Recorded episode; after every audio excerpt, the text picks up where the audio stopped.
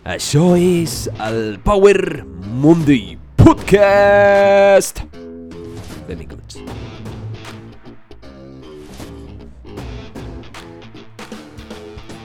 Benvinguts al Power Monday Podcast, sóc en Pau, el teu apassionat de fitness, motivació i ciència.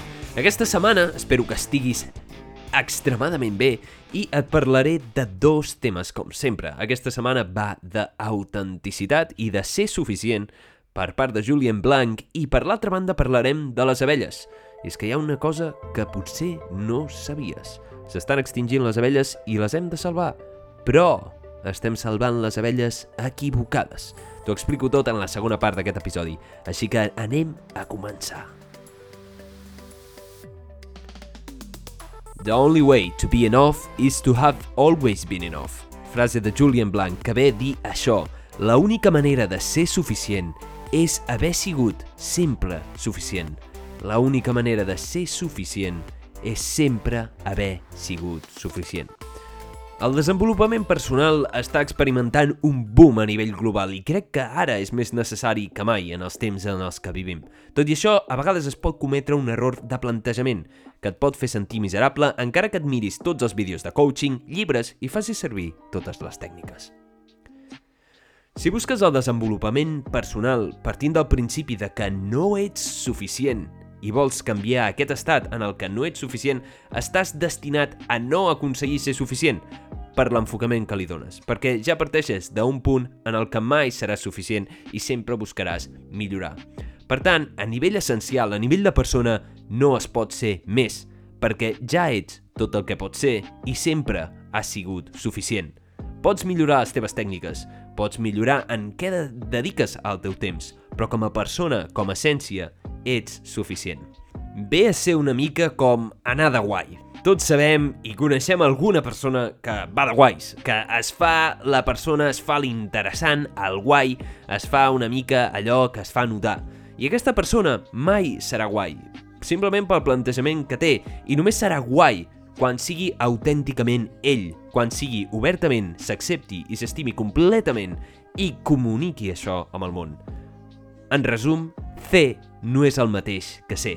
Pots utilitzar totes les tècniques del món, però si no ets honest completament amb tu mateix, això s'olora, això es percep, i és el que alguna gent diu els estats vibracionals aquests d'energia, però bàsicament aquests patrons l'ésser humà és capaç de detectar-los molt ràpidament. Tots coneixem alguna persona que intenta fer el que no és. I quan ets completament honest i únicament t'acceptes a tu mateix és quan ets realment tu i llavors sí que ets guai perquè és el més difícil del món acceptar-se a un mateix en aquest planeta.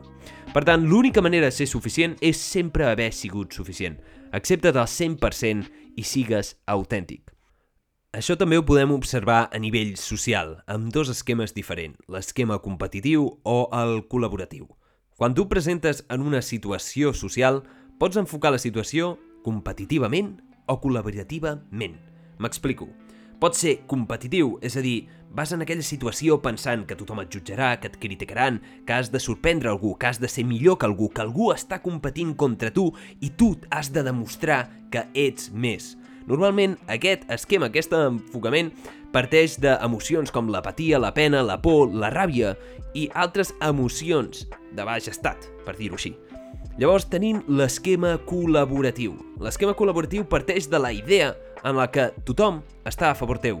Estem tots junts en aquest vaixell i tots intenten ajudar, encara que algun t'intenti enfonsar. Quan ho enfoques d'aquesta manera a nivell col·laboratiu, encara que algú t'intenti enfonsar, veuràs que això et pot servir per créixer. Pots fer servir el dolor i els errors com a combustible. Per tant, aquest esquema parteix del coratge, de l'amor, de la decisió i del propòsit. És un, un enfocament que centra en decidir jugar per guanyar, que no pas evitar perdre. T'ho torno a repetir, juga per guanyar, no per evitar la pèrdua. Per tant, si et presentes en un event social, recorda anar amb una mentalitat col·laborativa. Tothom està al teu favor, juga per guanyar, no per evitar la pèrdua. Sí que hi haurà algú que t'intentarà tirar enrere i la competició té el seu lloc, però la mentalitat competitiva fa normalment no acceptar-te a tu mateix. I, al final, si t'acceptes 100% a tu mateix i ets completament propietari de la teva vida, no et preocuparà ser jutjat ni criticat. Simplement serà informació que et donarà la gent que et pot permetre moure't en aquest món, però no t'afectarà a nivell emocional. És molt important això de ser 100% honest amb un mateix. Per últim, hi ha una altra frase que m'agrada molt també de Julian Blanc. Fake it until you make it? No. Act real until you remember. Fake it until you make it ve a ser falseja fins que ho aconsegueixis, però en realitat això et fa ser un fals. En realitat sempre has sigut suficient. Per tant, actua realment, sempre has sigut un fals fins que te'n recordis com ets realment. Recorda, ets únic, irrepetible i en aquest planeta i en aquesta història no existirà mai ningú com tu.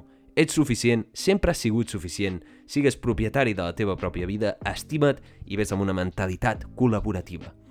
Aquestes reflexions les he extret de les notes que he pres de Julian Blanc, un motivational speaker bastant interessant, que m'ha sorprès i té algunes frases així bastant xules. Te recomano que li facis un cop d'ull. I ara anem a parlar de les abelles i per què estem salvant les abelles equivocades. Com deu saber, la població d'insectes polinitzadors està desapareixent i això preocupa a molts. A mi em preocupa moltíssim.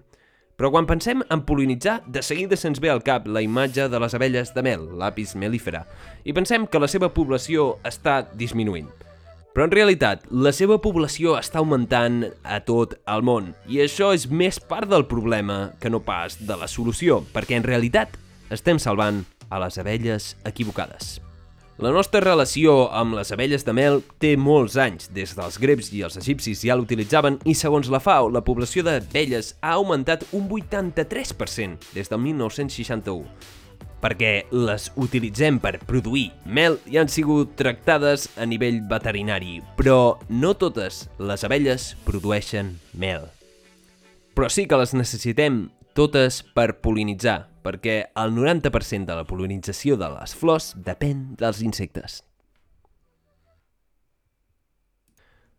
No totes les abelles són de mel, no totes les abelles del món són apis mellifera. Seria com dir que tots els ocells són gallines, perquè no coneixem els altres ocells que existeixen en aquest planeta, es veu. Hi ha unes 20.000 espècies diferents d'abelles salvatges i són les polinitzadores d'aquest planeta les més importants. Són generalment solitàries, la majoria no fa mel i s'especialitzen en flors en concret, per tant són polinitzadors específics.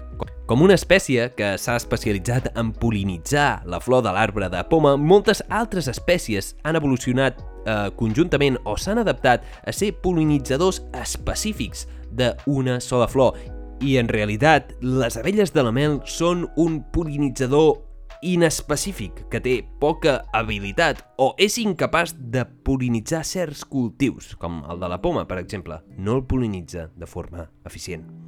A escala mundial, la població d'abelles salvatges està disminuint anualment per culpa de l'agricultura industrial i el monocultiu, l'ús de pesticides extens i sobretot la pèrdua d'habitatge. Es calcula que ja hem perdut un quart de les abelles salvatges a nivell mundial.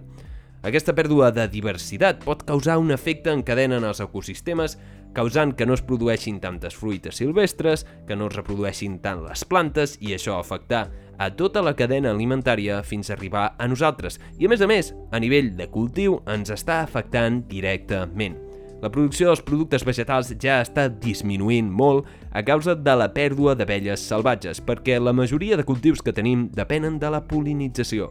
A més, les abelles de mel poden transmetre virus salvatges i robar el menjar, el polen, eh, de les flors a les abelles salvatges. És a dir, les abelles van a les mateixes flors, intenten agafar el polen, ho fan de manera ineficient aquesta polinització i a més poden transmetre el virus i robar l'aliment a les abelles salvatges. Per tant, no és culpa de les abelles de la mel, però salvar les abelles, aquesta crisi que estem vivint que pot afectar completament el sector alimentari, no significa augmentar la població d'abelles de mel i produir més mel, sinó salvar les abelles salvatges, salvar aquelles abelles que són més aviat solitàries i estan especialitzades en polinitzar moltes flors.